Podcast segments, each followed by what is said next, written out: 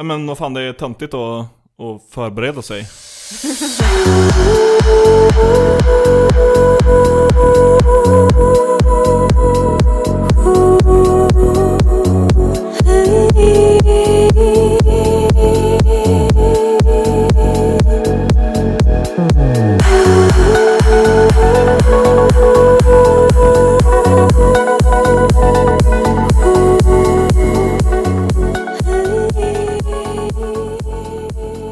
välkomna till tredje gången gilt, avsnitt eh, 244. Tillbaka efter ett eh, långt sommaruppehåll. Fy fan Japp. vilken pepp det här är. Ja, Japp. eh, och jag heter David Grundström. Jag heter Viktor Sjöström. Och jag heter Sandra Ferroni. Eh, jag har inte spelat ditt spel Viktor, jag ber hemskt mycket om ursäkt. Du har inte spelat... Jag känner att jag måste, Jaha, ett spel. Vårt spel. jag måste inte slänga, jag måste slänga ut det här i början och, Jaha. och Ja, men vara det... tydlig med att jag har, jag har inte spelat 19X, jag har en kod. Den Ja. ligger i min mailbox. Jaha. Jag har inte heller gjort det. Du kanske ska åtminstone aktivera den utifall att den går ut. Det Oj. händer väl... Finns det sån? Oj. Jag, jag, jag vet att det kan hända med Switch-koder. Nu är ju inte Switch-versionen klar än i för sig, Nej, men... ja, jag har PS4-kod. Ja. Det borde väl vara okej, men jag blir alltid lite paranoid att så här, tänk om någon gissar fram den här koden. Mm. och tar den. Eller att någon, något utskick råkar bli ett dubbelutskick och att någon annan... Jag vet inte. Men kan det bli så även fast det... För du har ju fått den via Kickstarter, eller hur? Mm. Kan det... Alltså finns det ett... Nej men det är ju, det inte är ju, det är ju, eh, det är ju Viktor personligen. Nej men det, Jaha, det, fått är det ju, det, personligen. är- det, är- Handskrivit. det, är- det är ni som skickar ut koderna antar jag. Antar jag att det är någon sån här Ja, Kickstarter-maskin som trollar inte fram. jag, men en kille som heter Alex Mm. har skickat ut dem.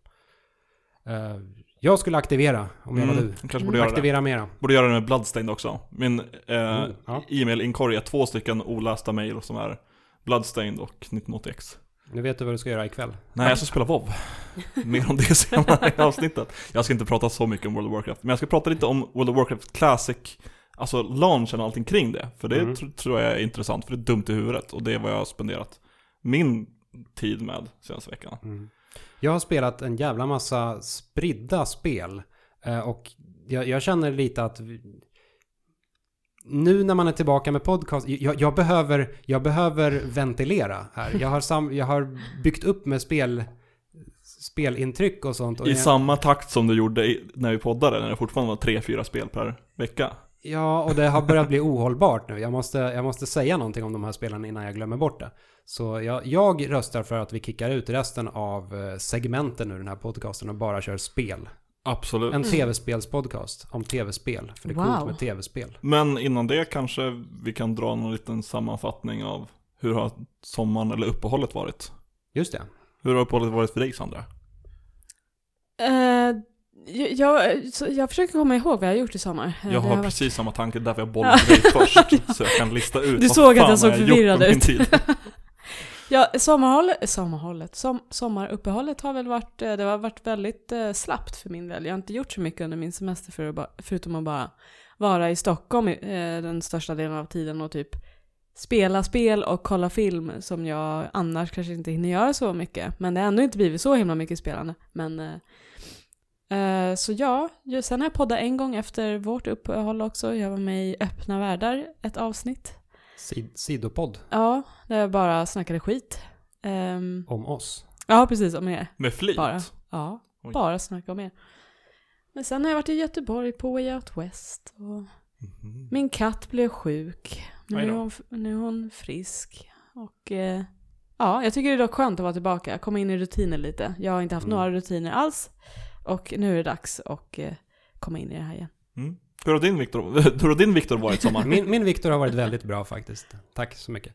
Eh, Jag, eh, lite samma sak här. Jag har inte rest jättemycket. Jag har varit en sväng i- nere i Oskarshamn där jag mest har legat och läst böcker och badat. Eh, Och sen har jag varit en sväng i Hälsingland där jag har partajat. Oj. Och sen har jag spelat spel. Och inte gjort så mycket mer. Mhm. Och det är så jävla nice att inte planera in allt för mycket utan att bara vakna och sen så här, jaha, vad gör man idag? Äh, Mm. det, vi käkar glass. Ja, det blev det. Okej. Mm. Ja. Den här veckan är jag tillbaka från min semester. Jag tog en sen semester i år. Eh, det brukar jag typ göra, men det här var slutet av augusti, det är nog så sent som jag haft det. Och det var längsta semestern jag haft i mitt liv. Om man Hur- räknar bort sommarlov i skolan. Hur länge var du borta? Tre veckor. det är inte så långt. Och det är men, ganska lite ja. Mm. Ja, men det, det var enormt för mig. Eh, två veckor som jag gick, jag spelade typ Stardew Valley eller någonting samtidigt som jag kollade på massa tv-serier. Mycket Netflix har jag kollat på. Och sen nu senaste veckan har det varit WoW Classic.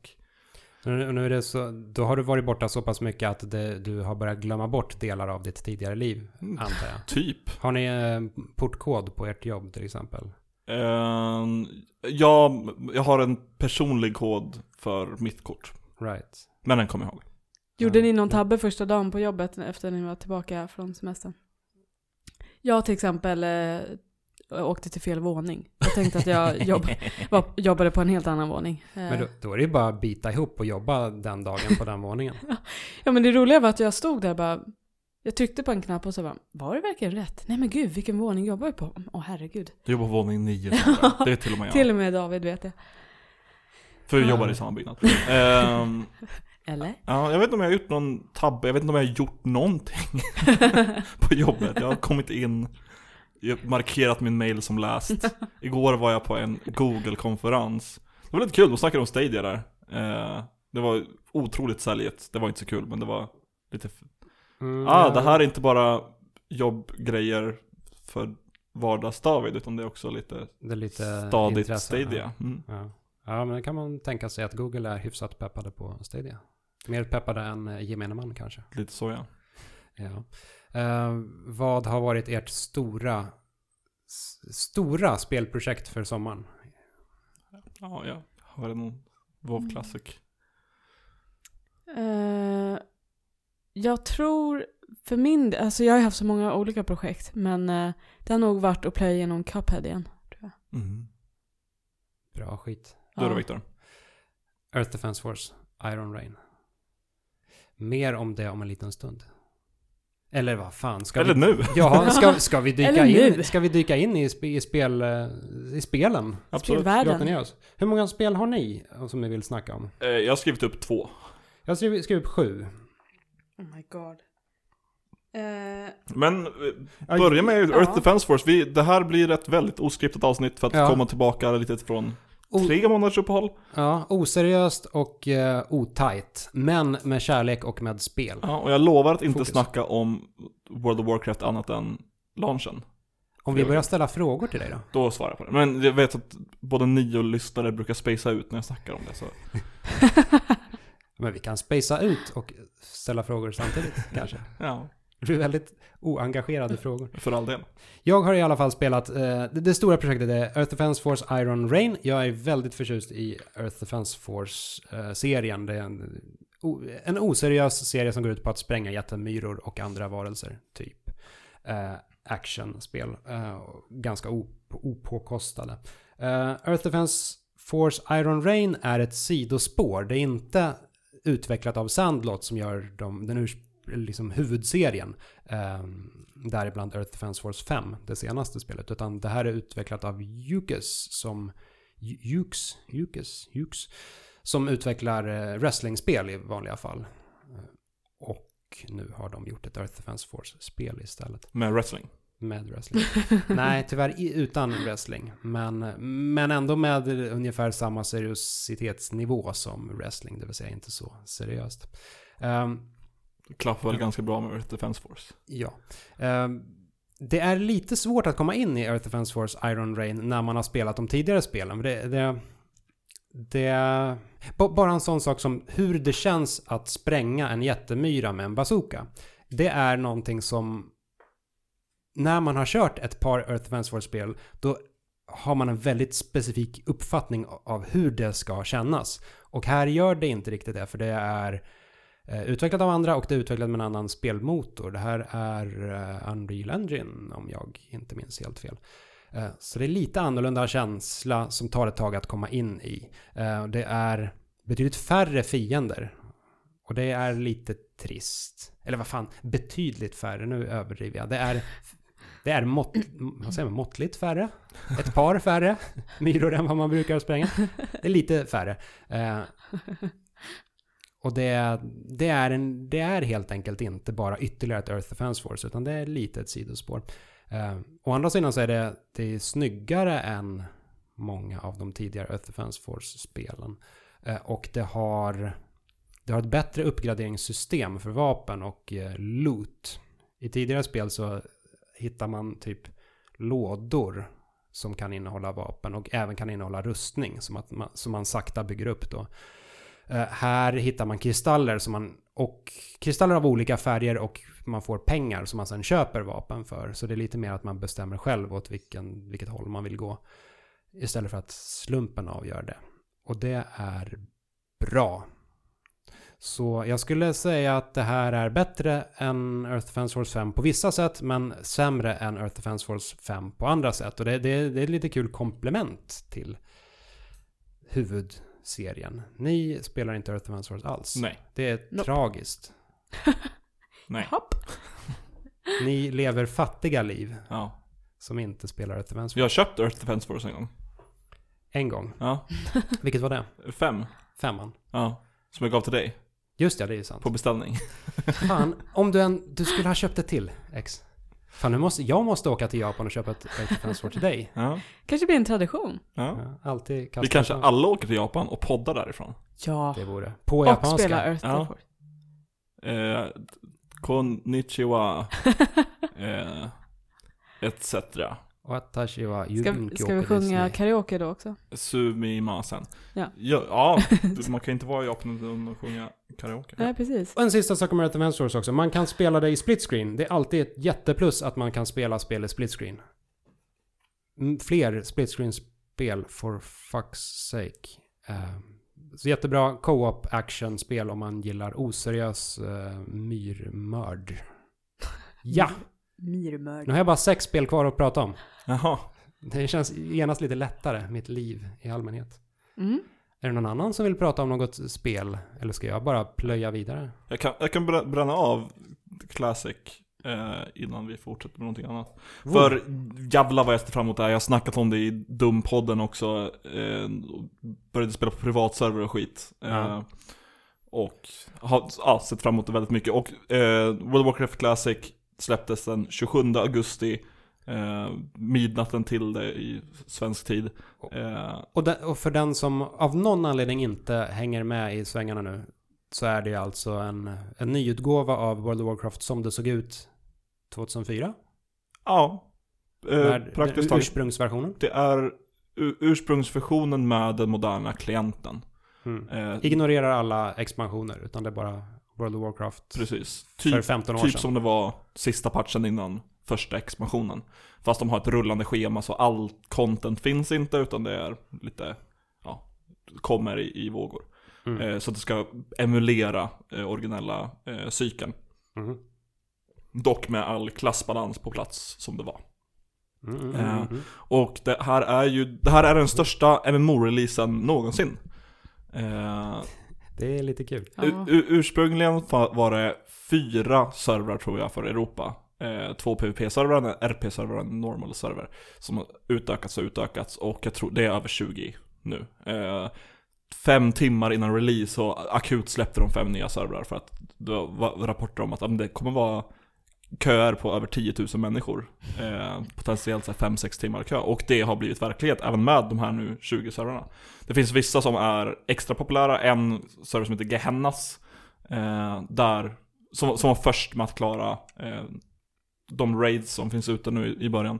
Eh, och är en nordisk server. Alltså det är inte officiellt utan det är bara nordiska spelare har claimat. Det här ska svenskar, norskar och danskar och finnar spela.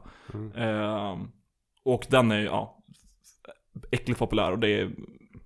Jag spelar på en, en mindre server än...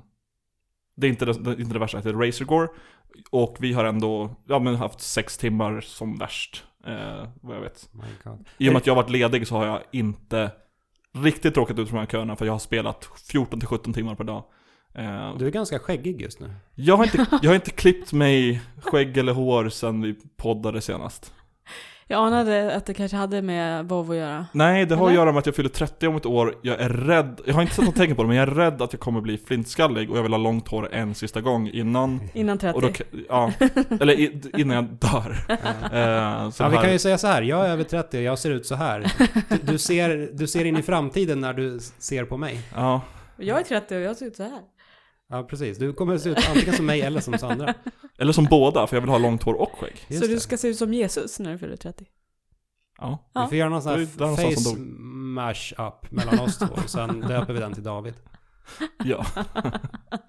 Eh, Har, har inte WoW slagit Twitch-rekord också? ja, ja. Mest eh, streamade Twitch... mest streamade på- spel. Ja. Eh, för det var över, jag tror 1,6 eller 1,16 miljoner eh, tittare samtidigt för över alla möjliga streamers. Shit Mm. Det alltså. var också eh, första personen som, eller första karaktären, för det är lite omtvistat där, man tror att det är en, två bröder som har turni- turats om att spela en karaktär. Första karaktären som blev level 60, eh, jag kollade på streamen mot slutet där, eh, Joker DTV. Då var det 350 000 eller någonting som kollade. Vilket är inte för långt ifrån rekordet på en stream. Och det var när Drake streamade. Jag hörde även att det hade diskuterats olika märken av vuxenblöjor på vad det nu var. Reddit kanske? Eller så. Alltså hur man maxar, hur, hur man når upp till level 60. För det är level 60 va? Level 60 ja. Eh, snabbast. Och då gäller det att ha förlagad mat som man kan värma snabbt. Och sen gärna Mm. ett, ett, par, ett par schyssta vuxenblöjor. Då kan man fila bort eh, dyrbara timmar säkert. Eller beror på hur snabb man är. Annars så kan man ju dra in datorn i badrummet. Ja, Ja, kanske. Vad gjorde du David?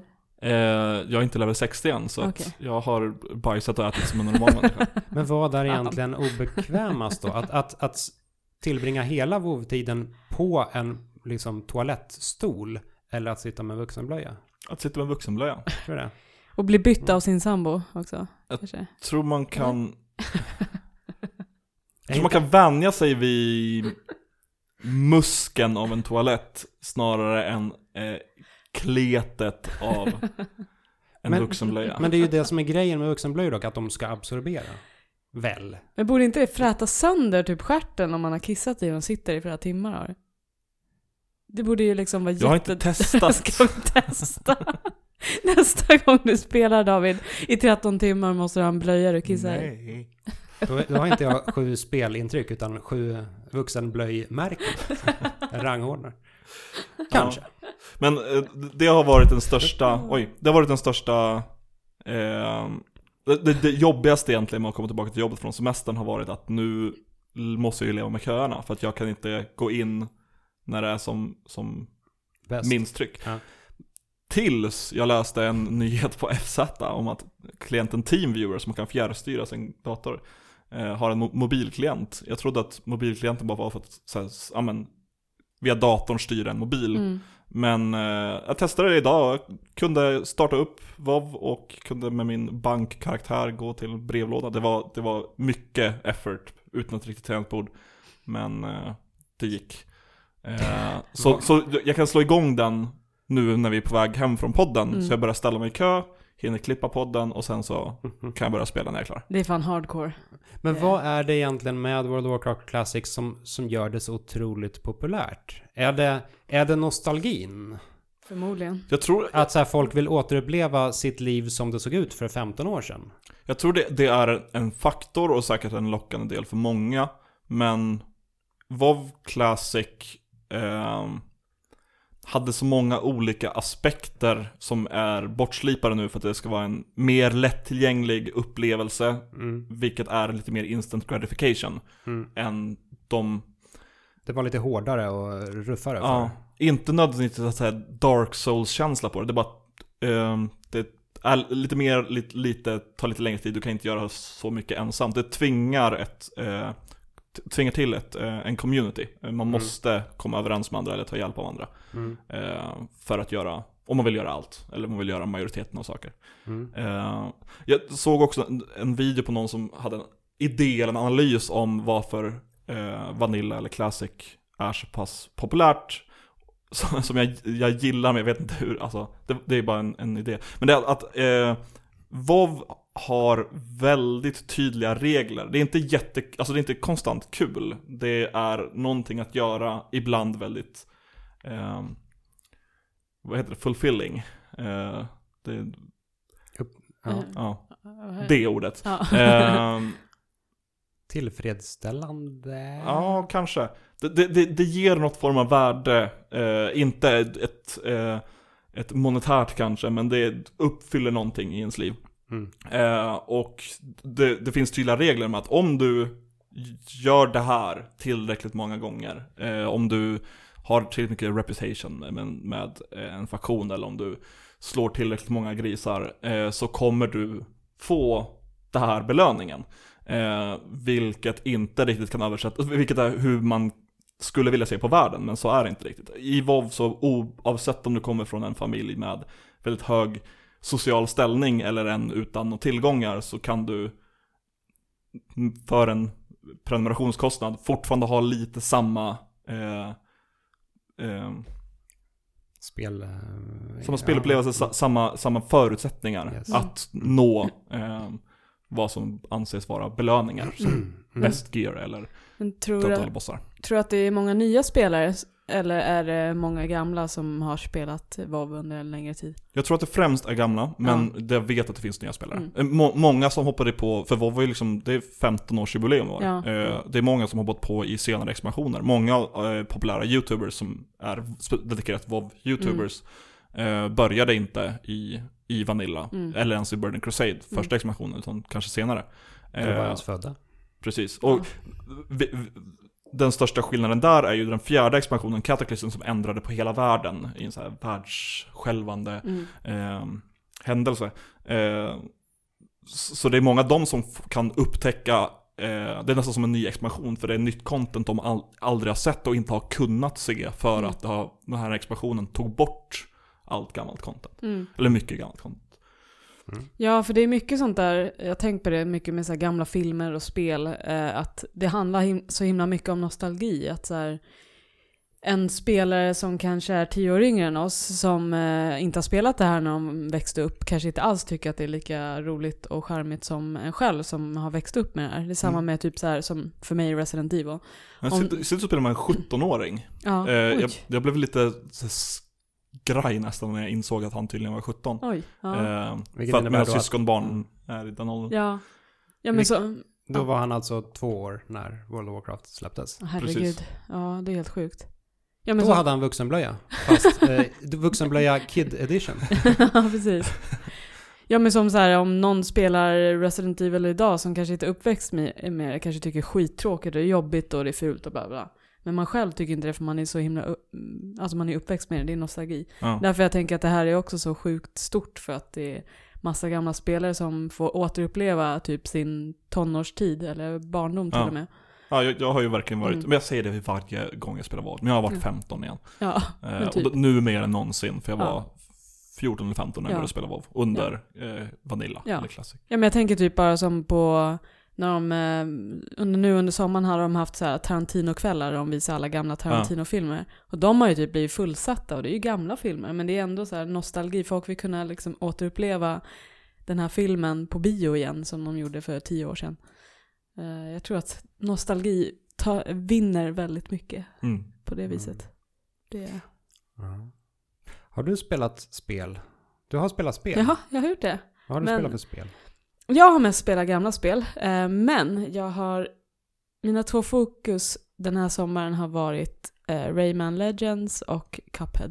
Eh, mest för att jag har blivit med sambo, så då har jag nu Grattis. under sommaren... Tack! Så vi har spelat massa co-op-spel helt enkelt som vi försökt hitta eh, några utan split screen. Eh, och de här två är väldigt bra och väldigt roliga. Men ett nytt spel som jag spelar är Team, eller vad säger jag, Crash Team Racing. Mm. All right. Nytt och nytt. Ja, precis. Nytt och nytt. så jag säger det, jag har typ inte spelat något nytt spel. Eh, Jo, men det räknas väl så, Ja. alltså, som ny, ny utgåva. ja, ny utgåva. Så det har jag spelat mest, eller en sväng. Eh, och fan vad det är svårt när man är van vid eh, Mario Kart. Eh, jag spelar ju Mario Kart i princip varje dag, som ni säkert redan vet. Och det här är, det är fan svårt. Det det, ja. Det Men är, är det svårt för att det är annorlunda än Mario Kart och du är van vid Mario Kart? Eller är det svårt för att det är liksom mer krävande än Mario Kart? Först och främst, eh, kontrollen är jag helt ovan vid. Till exempel eh, hur man eh, eh, driftar och så är helt annorlunda. Det är jättesvårt att få till driften på, i, i Crash jämfört med Mario. Nu är det så svårt att beskriva för att, ja, när man väl är där så, men driftingen är sjukt svår. Eh, men sen också att Crash Team Racing bygger mer på skill än vad det är med Mario Kart. För Mario Kart där kan du ju ha olika liksom vehicles som har bättre stats och hjul och, eller däck och sånt som också man kan justera sina stats. Och det kan mm. man inte riktigt, det kan du inte göra i Crash förutom att du väljer en karaktär som har bättre stats till exempel. Eller bättre behöver det inte vara. Du har en tyngre som har, är Annorlunda stats. Ja, precis. Men du kan inte liksom välja en vehicle eller vi- vissa typer av däck som är bättre och så.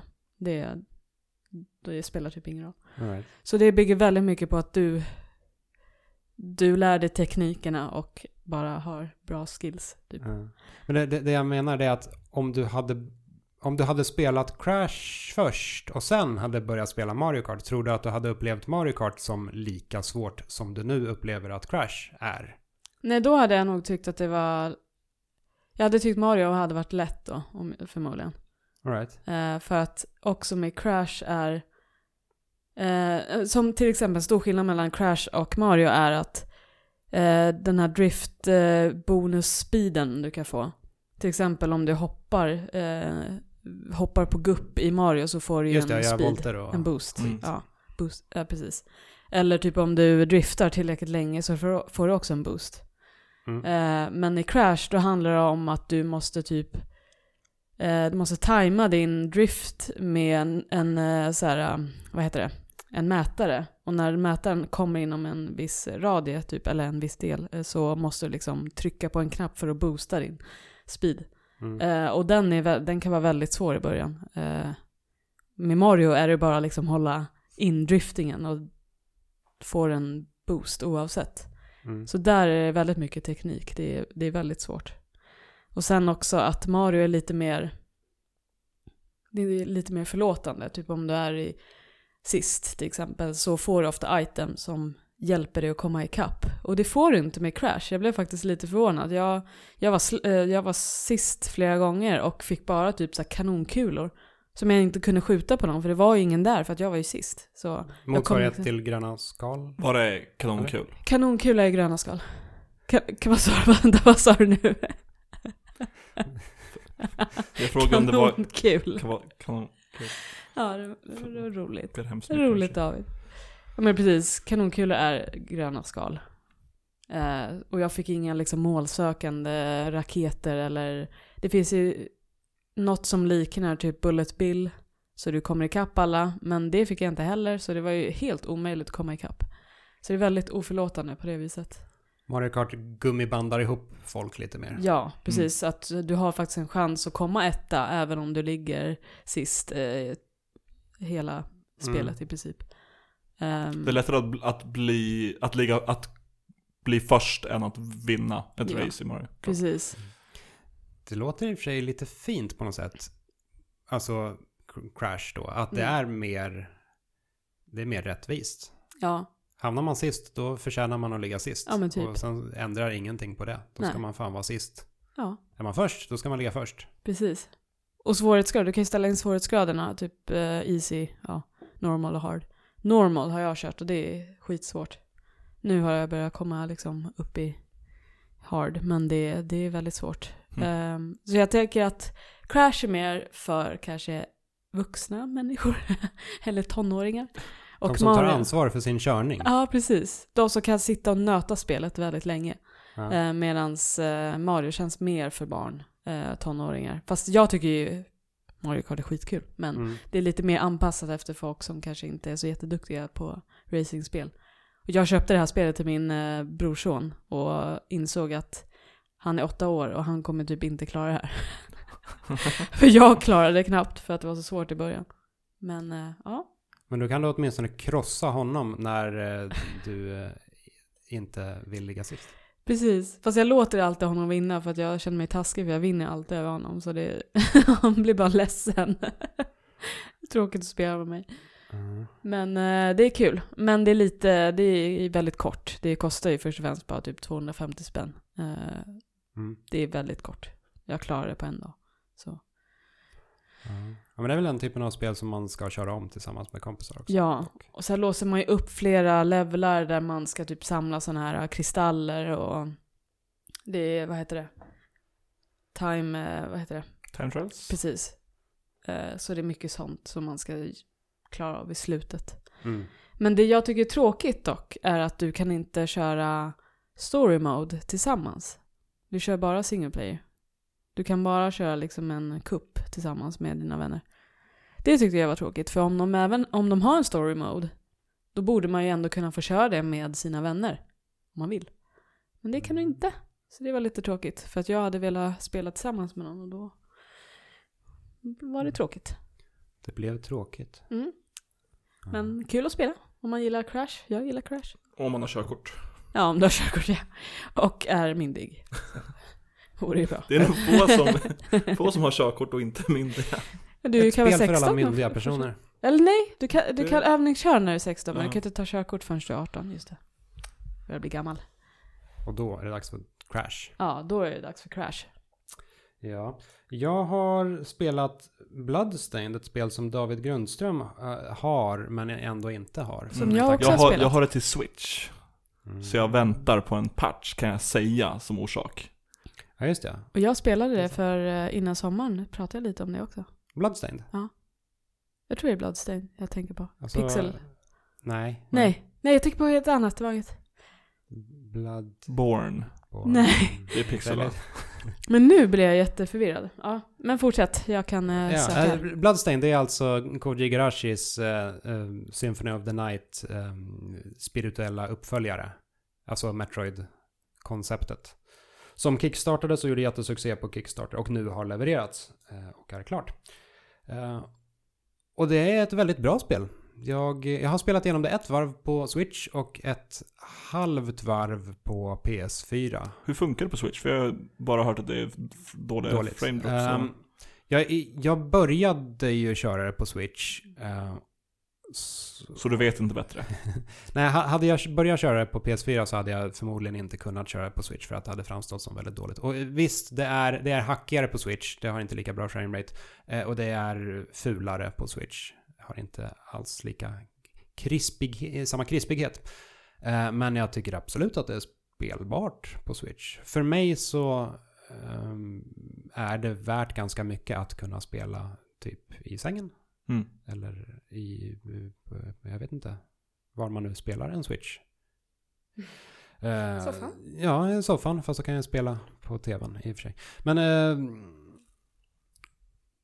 till att börja med så är det ju synd ändå att de valde att gå polygonvägen med det hela. Istället för pixelvägen. För hade det här varit ett pixelgrafiskt spel så hade det förmodligen varit eh, liksom ansett som en modern klassiker eh, vid det här laget. Eh, det är, jag tycker fortfarande att det är bitvis ganska snyggt, men det hade kunnat vara ännu snyggare om det hade varit ren 2D. Det blir lite Mega Man 11-effekt. Ja, typ. Hur bra hade inte Mega Man 11 varit om det hade haft eh, Super Nintendo-grafik istället för 2,5D? Um, lite samma sak med musiken. Musiken är, den är bra, men den lever inte riktigt upp i Symphony of the Night-klass. Du har inte kört Symphony of the Night? Eh, jag har börjat spela en gång. Ja. Mm.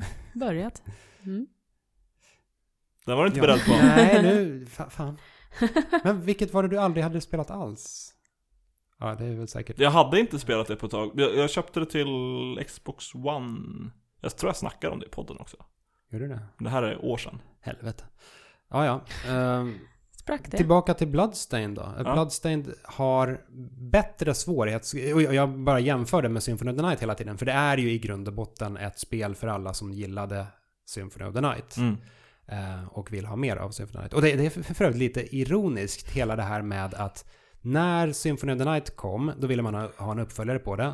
Vi fick sex stycken bärbara uppföljare till eh, Game Boy Advance och DS. Eh, men det kändes aldrig som att de var riktigt lika mycket värda för att det var bärbara spel. Nu släpps Bloodstained och det första i alla fall jag gjorde var att börja spela det på Switch så att jag kunde spela det bärbart istället för att spela det stationärt. Tiderna, tiderna förändras på Ja. något sätt.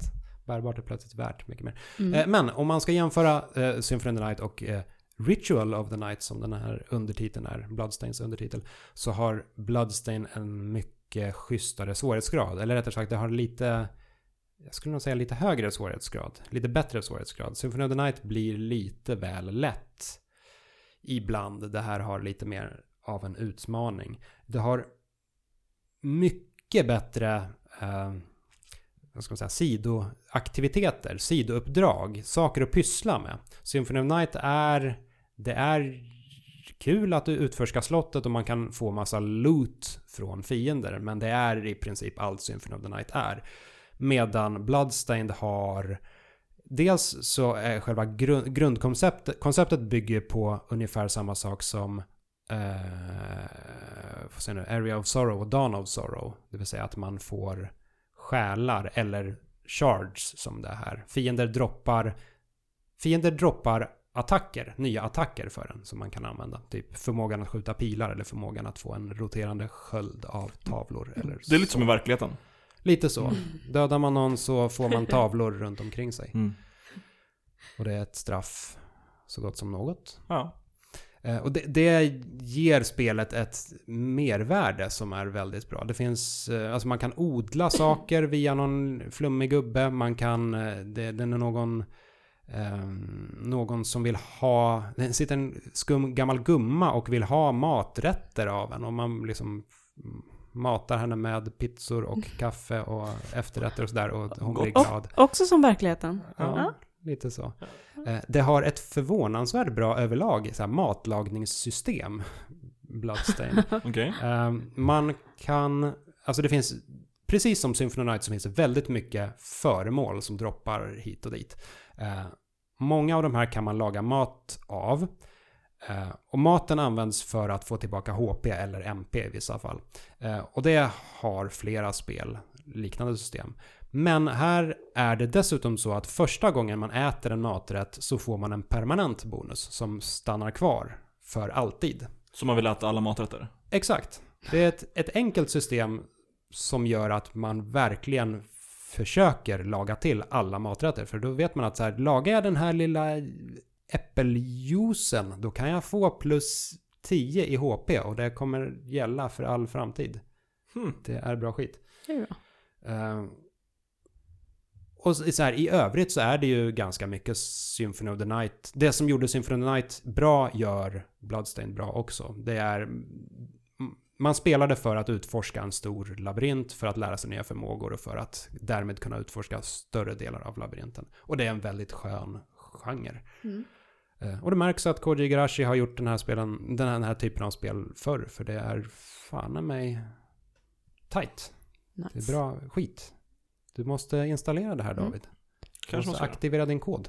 Mm. Det var visst Slain jag tänkte på. Det rimmar på Slain. Bloodstain, så jag tänkte Blood, det kanske Bloodslain. var det. Bloodslain.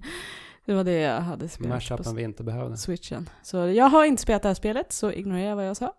Vad tyckte du om, om Bloodstained när du spelade det, Sandra? Förlåt. Eh, jag har spelat någorlunda aktuellt ändå, eh, Fire Emblem Three Houses Oh, eh, under sommaren. det har Eh. fått väldigt bra kritik. Ja, Alltså jag tycker det är så kul att ni namedroppar så mycket spel som jag bara aldrig har hört talas om. Det är bra, ja. logga in på Twitter. Det är nog det Det jag är, måste typ, det är göra. typ så man Ja. så här, Ha, eh, Sandra, ser hypar. Har, har du spelat eh, Fire Emblem, något Fire Emblem tidigare? Eh, jag tror inte det. Eller Final Fantasy Tactics. Ja. Ja, ah, okej. Nej, det har jag inte. Advance Wars? Nej. Nej. Ja. XCOM, Nej, Ja. det har jag inte spelat, men jag har tänkt spela det. Mario plus Kart. Rabbids, Rabbid Kingdom. Nya MUTANT? Nej, det är... Ja, Mutant och Noll är lite åt så också. Inte riktigt min typ av spel, Nej. men... Ja, eh, tu- turordningsbaserat Ja. eh, strategi-jox Okej. i alla fall, i fantasy-setting. Strategi-RPG eller vad de kallar det. Mm. Ja. Eh, Gå i rutsystem, döda fiender, sen dödar fienderna dig och så turas ni om. Ja, yes. Jag spelade Svea rike när jag var barn. Ja, Turbaserat. ja, fortsätt. Ja, Svea rike. Ja. Det- Så bra. Riktigt god klassiker Ja, alltså. n- nu måste jag ta ett sidospår här och snacka Svea rike. I Svea rike, när man, när man har, har du spelat det Viktor, eller är du för gammal för det? Eh, jag har inte spelat det, jag nöjer mig med det. Ja. Eh, I strider i Svea rike så är det inte riktigt någon musik, utan det är bakgrundsljud från skogen. Mm. Och så är det en fågel som visslar. yes. Och den där, det här är ju public domain, så det här finns ju i alla typ hur många spel som helst hos tv-serier. Jag, jag kan somna och tänka på den här få, fågeln. Nu, ska vi se om jag kan vissla. Om och om igen. Och det, det, det, det, det finns i ett av mina favorit-RPG, Arcanum, så finns den där fågeln när man är ute och går i, vild, det vilda. Det finns i, säg en tv-serie så finns den i den, om de är ute i skogen. Det, där, är liksom- det, det är samma sak som eh, skrattande barnljudet.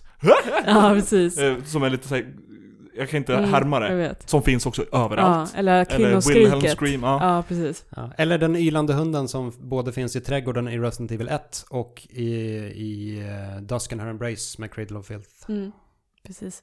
Det där har vi det. Svea rike. Fire Emblem i alla fall. Eh, det Bra är säng.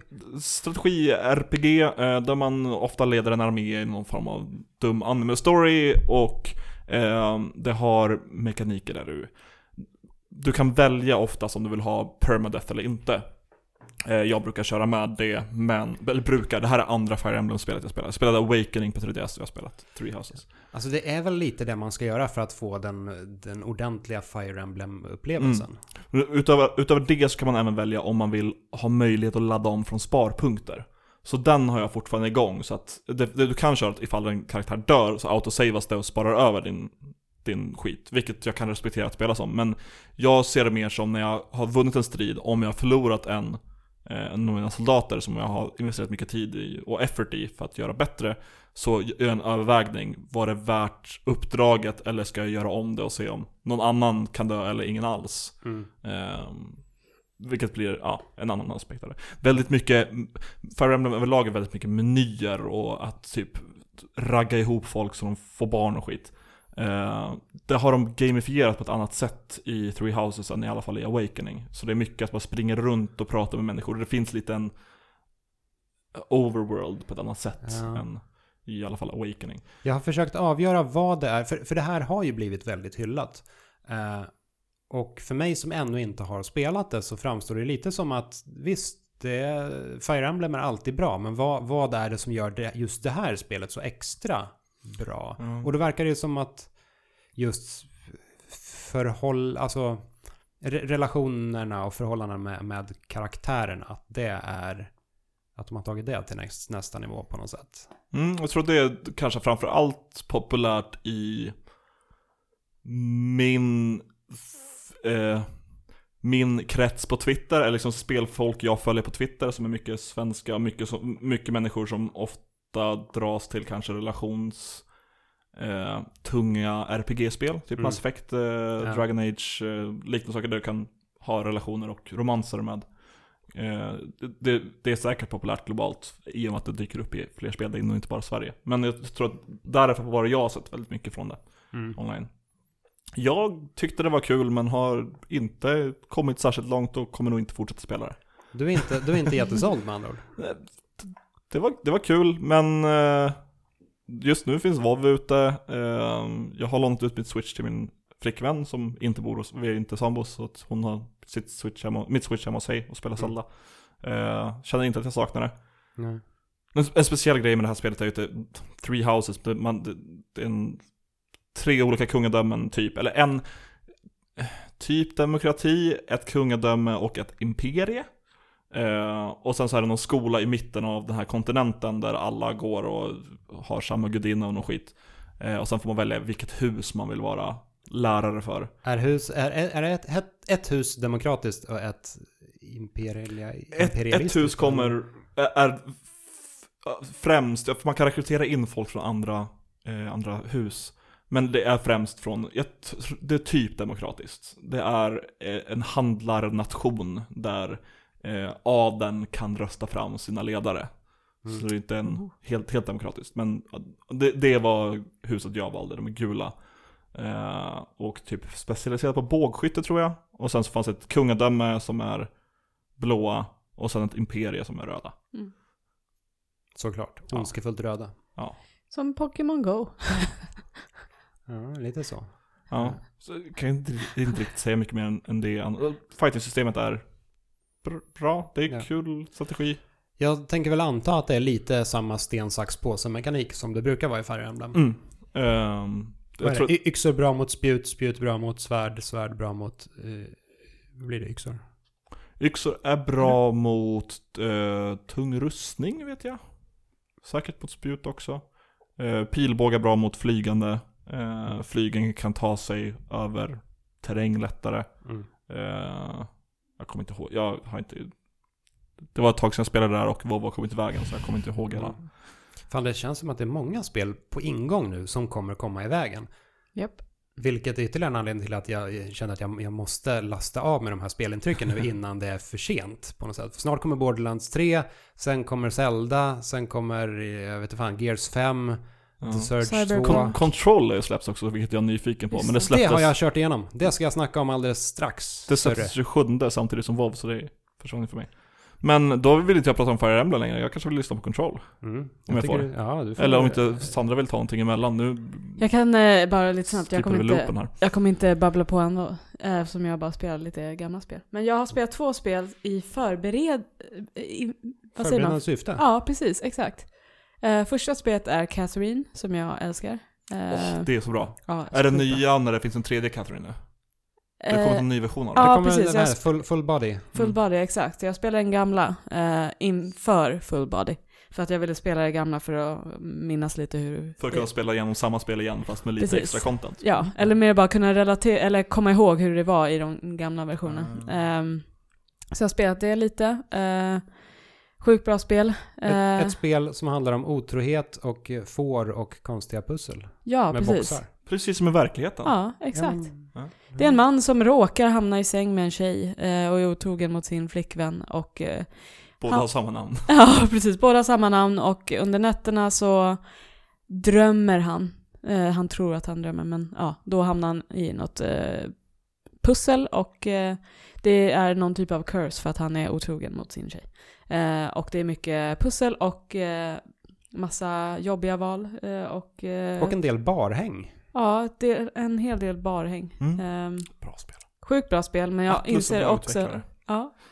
Jag inser också att så här, världen har förändrats och man reagerar väldigt starkt på det här spelet för att det är väldigt så här köns eh, stereotypiskt. Väldigt japanskt. Väldigt japanskt, precis. Ja. Exakt, bra. Att hans tjej är så här, hon är noga och successfull och bara så här tjatar på honom för att han är en så här skitig pojkvän som inte vill eh, styra upp någonting i sitt liv och Han är ju en slacker. Ja, han är en slacker och eh, hon bara, alltså hon framstår bara som en jobbig, tjatig flickvän som inte vill göra någonting. Och så träffar han en annan tjej som är flörtig och öppen och ung och så här. Manic Pixie Dream Girl. Ja, men Mm. typ. Eh, så är det väldigt ja, japansk stereotyp. Jag kommer ihåg att Catherine fick ganska mycket skit för det, i alla fall i västerländsk media. Även när det kom. Men ja, jag kan tänka mig att det slår hårdare nu än det gjorde då. Ja, jag reagerade inte så starkt som jag gör idag Nej. eh, på det. Eh, ja, så, men sjukt bra spel ändå. Och sen har jag spelat Silent Hill för att jag ska på, i oktober ska jag på en Silent Hill eh, musikal Oj. med, eh, eh, vad heter han? Akira Yamaoka. Precis. Exakt. Eh, tillsammans med honom. Eh, för att... eh, Är du tillsammans med honom? Ja, han ska vara med. Är du tillsammans med Ja, honom? jag är tillsammans med honom. Precis, det är min sambo, jag glömde säga det. Han sitter och spelar skitig eh, gnisselgitarr om Exakt. nätterna. Väcker den på morgonen med att rosta, med en rostig såg. Ja. eh, Gnida en, Att stå att darra utan hud. ja. Exakt. Det, Som det. Och var han typ så här 30 år äldre än mig också, eller någonting. Romantiskt. Ja, jag vet. Mm. Jag tar en ända, ända bort mot Södertälje i oktober, tänkte jag. Ehm, för Silent Hill uh, firar 20 år. Så, ja, då ska de fira med att han kommer dit och eh, spelar gamla Silent Hill-klassiker. Vilken grej. Av Ja. alla ställen att åka till så drar Akira Yamaoka till Södertälje. Ja, ja, det är väldigt roligt att de har musikalen där, men det är tydligen väldigt, eh, vad säger man? Det är bara någon random snubbe som gillar Silent Hill som har dragit ihop det här, verkar det som. Eh, så det verkar inte vara något storslaget så. Eh, så det ska bli jävligt kul. I hans vardagsrum. Ja, exakt. Så eh, jag spelar lite första Silent Hill också för att min sambo inte har spelat igenom hela. Eh, så bara för att förbereda oss lite inför det. Så Det är ett jättebra spel. Japp. Jag, det är väldigt kul med honom för han, är- det är mycket han inte har sett och spelat. Så Den här sommaren har jag dragit igenom Alien-filmerna med honom. Huh. För han har fan inte sett de filmerna. För mig är det helt... Ja. Blir bara sämre och sämre för varje film. Ja, precis. Lite så. Så ja, det är typ det jag har gjort. Återupplevt gamla klassiker. Mm. Precis. Silent Hill, det var ju så coolt när det kom för att det är ju ett ganska begränsat spel. Men det kändes inte så begränsat utan det kändes som att den här världen och staden var stor och öppen. Mm. Sen visst, alla gator är ju trasiga och man kan inte gå hur man vill. Mm. Men i alla fall jag när jag körde det första gången så jag började försöka utforska åt olika håll. Ja, Och precis. man visste inte riktigt var man var på väg. Det Nej. var lite så här gå vilse i dimman och mörkret. Mm. Och man tänkte att man kunde göra så mycket i världen, typ så här öppna dörrar och utforska nya delar. Men det kan man ju typ inte. Du kan bara hitta lite mer ammo och typ kanske gå in i en gränd som ändå inte leder till någonting speciellt. Eh, Mm. Men eh, det är ett sjukt eh, bra spel verkligen. Mm. Ehm, Klassiker. Ja. Jag önskar verkligen att det hade inkluderats i Playstation Classic Mini. Ja, faktiskt. Men Istället fick vi en skit minikonsol. Ja, det kan man säga. Konami är inte riktigt eh, företaget som eh, vill ge oss eh, bra saker. Mm. Men Remedy då? Vill de ge oss bra saker? Remedy vill ge oss bra saker, David. Så är det faktiskt. Remedy, finska företaget, har gjort Control, vilket är ett mycket bra tv-spel att spela på sin tv-spelskonsol. Kul att höra. Eh, Det som verkligen fick upp mina ögon var när jag började höra att Control skulle vara ett ganska öppet spel. Nästan, nästan ett eh, Metroid-aktigt spel. Eh, det gick jag igång på. Sen så här, nu med facit i handen så är det väl, det är kanske inte riktigt ett Metroid vi snackar om. Men ändå, det är, det har liksom en central hubb-del eh, och sen kan man gå åt massor med olika håll för att lösa olika uppdrag. Så det är ändå ett förvånansvärt fritt spel för att vara ett Remedy-spel. Oh. Vilket eh, funkar bra, tycker jag. Eh, och hela spelet, det, det handlar ju om, utan att spoila, eller jag skulle inte kunna spoila spelet riktigt än som jag önskar, för det är ganska konstigt. Och jag, jag har kört igenom det från början till slut och jag är fortfarande inte riktigt säker på vad fan det var som hände. Eh, Men i grova drag så går det ut på att The Federal Bureau of Control ehm, får en ny director som kommer till byggnaden och det har hänt skit i byggnaden. Eh, Spelar man som ja. directorn alltså? ehm, och det är någonting som kallas för The Hiss som har släppts ut. Det, hiss, Det är sådana alltså som åker mellan våningar. Ja, Det är ett, hiss, ett stort hissproblem i den här byggnaden. Svengelska också. The hiss. The Hiss. Fan, det tänkte jag aldrig på när jag spelade in det. Nu måste jag spela om det. Skit. Eh, nej, men so- saker och ting har blivit skumma i den här byggnaden och folk har blivit besatta. Och saker och ting är ja, flummiga. Men är det liksom skräck, lite skräck i det eller bara... Mest romantiskt. Det är ju det, det, men det är lite som, som Remedys tidigare spel. Jag skulle inte säga att Remedy någonsin har gjort ett skräckspel. Inte ens Alan Wake är riktigt, riktigt Nej. skräck. liksom Men- element. Ja, precis. Eh, samtidigt så gör Remedy alltid saker som är lite obehagliga.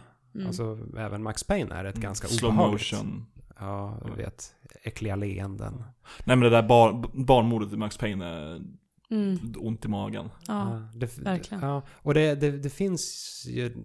Remedy har en speciell stil av obehag Mm. som ändå finns i Control också. Den, den finska sorgen. Ja, lite så. Det finns en, en finsk, eh, vad heter det, janitor, vaktmästare. Jag har sett eh, klipp från Som går runt och sjunger på finska och säger perkele. Han är stört, stört skön. Ehm, jag tycker att det är lite synd att, om- jag bara ska bocka av det som jag inte tycker funkar med spelet. Eh, jag tycker det är lite synd att många av miljöerna känns lite väl, vad ska man säga, Half-Life 2-aktiga. Det är lite så här små torra kontorsmiljöer och eh, lagerlokaler och sånt där. Och det, det gör mig dels inte jättepeppad liksom, på spelet i allmänhet, men sen får jag svårare att lära mig att hitta i världen. Jag, jag får inte riktigt samma lokalkännedom om den här labyrintliknande byggnaden än vad jag hade haft om de hade gått lite mer crazy bananas med allting. Eh, men det spelet verkligen gör bra däremot är striderna. De är sjukt nice. Och det är, det, det påminner lite om, säger jag som inte har kört dem på länge, men eh, eh vad heter det nu då? Force Unleashed, Star Wars-spelen. Mhm. Ah. Man har, ursäkta, man, man har eh, superkrafter som man smälter in i striderna. Man har dels ett skjutvapen som autogenererar eh, ammo efter ett tag. Och sen har man sina force powers. Framförallt så har man förmågan att plocka upp saker liksom med, eh, Telekinesi? ja, och skicka iväg dem. Eh, vilket är sjukt effektivt. Men så kan man även skapa sköldar och man kan dasha väldigt fort och lite allt möjligt, ta över fiender. S- Hjärnor.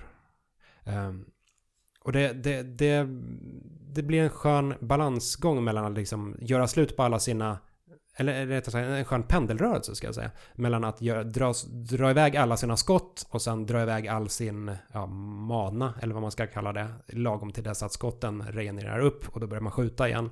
Så växlar man fram och tillbaka mellan Mm. de här olika typerna av attacker. Funkar, Mm. Pulserande skumma pistolen också. Ja, precis. Egentligen är det en enda pistol som byter skepnad. Ja. Eh, och det, det knyter ihop med spelets story på något sätt. Att det är... Det finns något som kallas för Objects with Power. Att det... Som sagt, jag är inte helt säker, inte helt hundra på vad fan som händer i Control. Men eh, föremål överlag är en grej i, i det här universumet. Föremål med makt på något sätt. Eh, Okej. Ja, det, det är lustigt. Eh, eh, spelet gör en väldigt bra grej med hälsa också. Det har inte autoregenererande hälsa utan fienderna tappar små, små hälsofragment. Och för att få tillbaka hälsa så måste man springa fram och hämta dem. Vilket gör Lite att, dum. ja, lite så. Vilket gör att man inte fastnar på ett ställe på slagfältet utan man måste röra sig lite hit och dit. Det är skitbra. Det, det är jättebra. Uh, har en jävligt skön, eh, vad ska man säga, ja det är en force push helt enkelt. Man sträcker ut handen och så skapar man en chockvåg som bara river upp allting framför en. Väldigt mycket fysik som jag äl- eh, älskar i tv-spel. Eh, så saker och ting fladdrar och flyger och liksom själva marken skadas av den här force pushen. Eh, Väldigt skön närstridsattack. Eh, och just det, sen när man plockar upp det vet jag inte om... Om du ska spela igenom Control i framtiden, när du plockar upp saker med telekinesi, så låter det lite som den stora fågeln som Obi-Wan rider på i Star Wars Episod 3. Det kan du tänka på. Om du vill ha den attacken förstörd. lite som fågeln i Sverige. Ja. Ja, precis. Eh, Viktor, om jag skulle säga att, om jag skulle kolla på klockan och säga att du bara får prata om ett spel till, varför skulle det vara Astral Chain? Varför? Ja, då får vi spara ett par sp- spel till nästa. Men det, det är sant. Det, vi kanske drar uh, iväg alldeles för mycket. Eh, En sista sak om kontroll också. Mm. Det är konstigt ooptimerat. Eller det är när man strider som bäst och, använder de fetaste attackerna och, och papper flyger och bokhyllor går sönder och skrivbord välts, då går frameraten ner rätt rejält. Mm, Jag hörde att det är ganska dåligt optimerat för konsol. Ja, jag spelade det på Xbox, Xbox One X.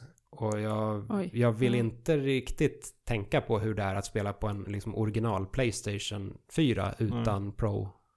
Oj, Det, ja. det, det där är ju där jag befinner mig. En Xbox One OX och en PS4 O Pro. Och en dator som håller på he- chippar på sista antaget. Ja, det är, alltså det är inte ospelbart, men det, det, det är märkbart att det går ner. Mm. Men är det värt att spela? Absolut, det Ja. är... Eh, sk- skulle man kunna säga att det är Remedys bästa spel sedan Max Payne? Kanske? Mhm. Oj! Om, man, eh, om man är överens om att Max Payne är bättre än Alan Wake? Ja, Mm. ja, helt klart. Gud ja. Jag älskar Max Payne. Men inte Max Payne 2 bättre än Max Payne? Ja, i och för sig. Okej, om vi... Ja, sen Max Payne 2 då. Mm. Mm. Men inte Max Payne 3? Nej jag skojar, det är inte ens Remedy. Ehm, Nej. Så Eh. kan vi kedja det här på något sätt till... Men det var väl fan vilken segway du... Nu, det är bra att vi är tillbaka så David får dra sina... Lite på samma... Jag har aldrig ja. slutat. Lite på samma sätt som jag har spelintryck så har David segways. som måste ut Massa. någonstans. Ja. Det läcker. Kompulsivt. Sparat på dem hela sommaren.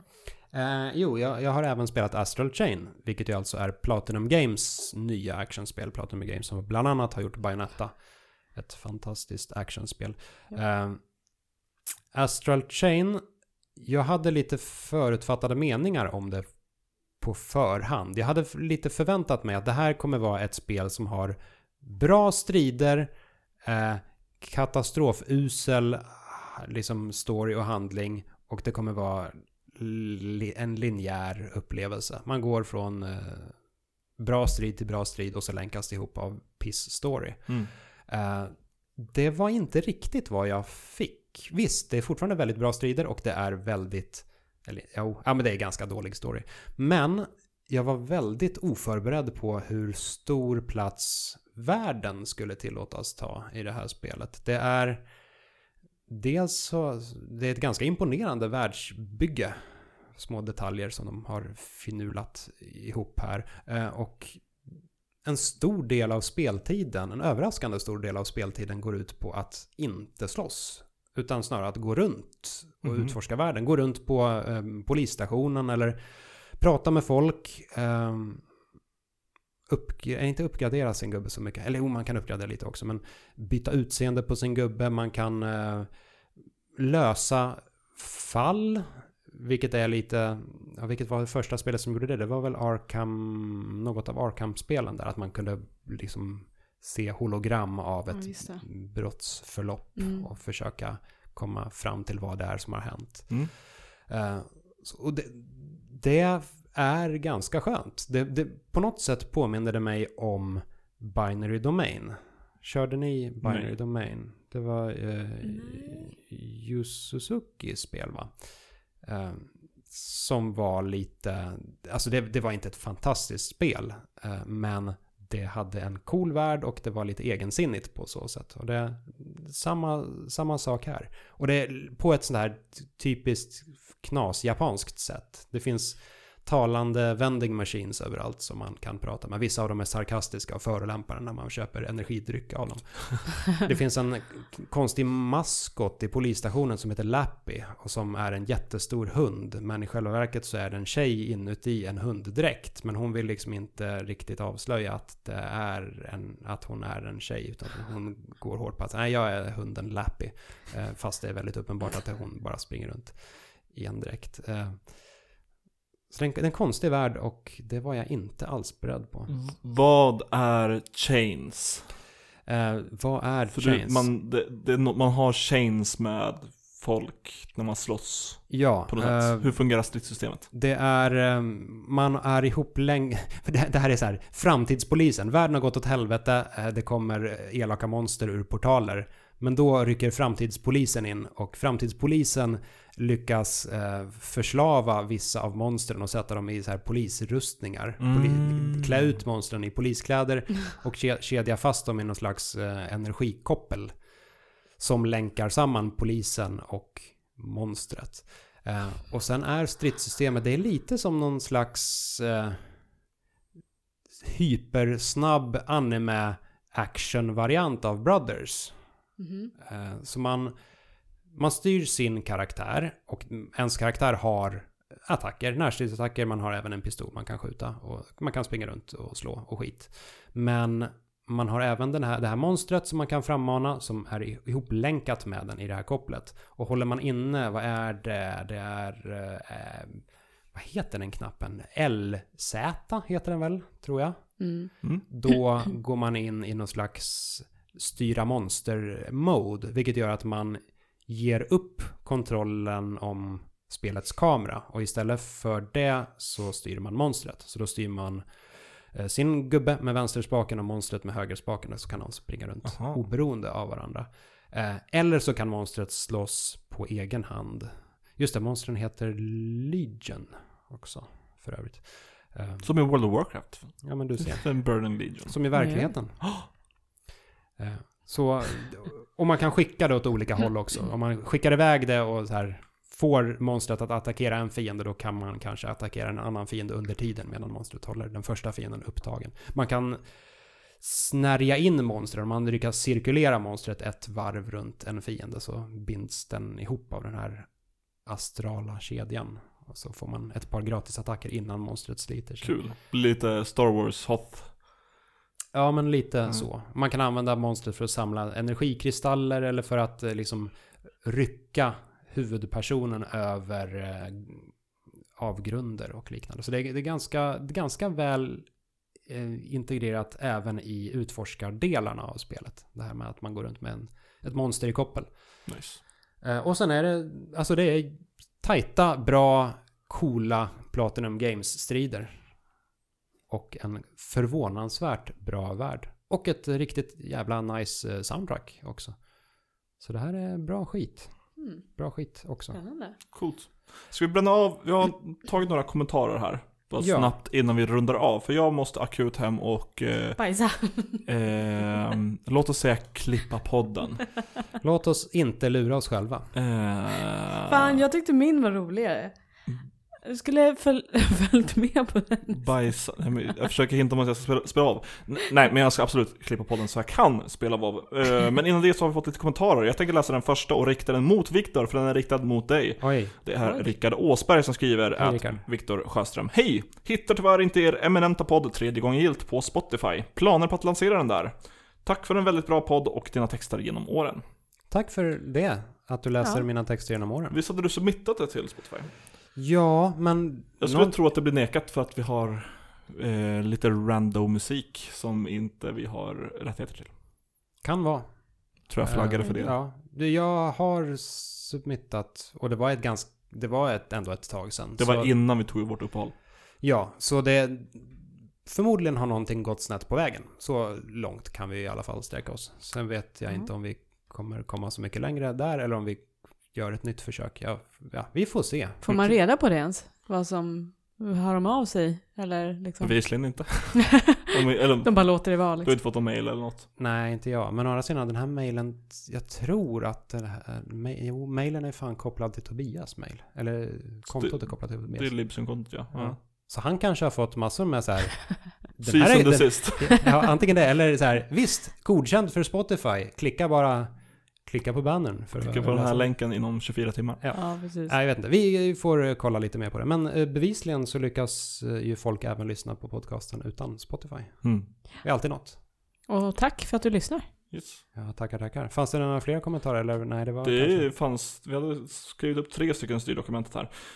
Eh, Max Malmqvist skriver, ser fram emot att testa 1980X på PS4 eh, och emoji med händerna upp i luften och så är det tre streck som woo! Upp i luften. Ja. Eh, ha en fin sommar gänget. Tack så hemskt mycket Max, det har i alla fall jag haft. Vi har haft en väldigt fin sommar. Deprimerande. eh, Ha en fin sommar. Nu vill jag ha sommaren tillbaka.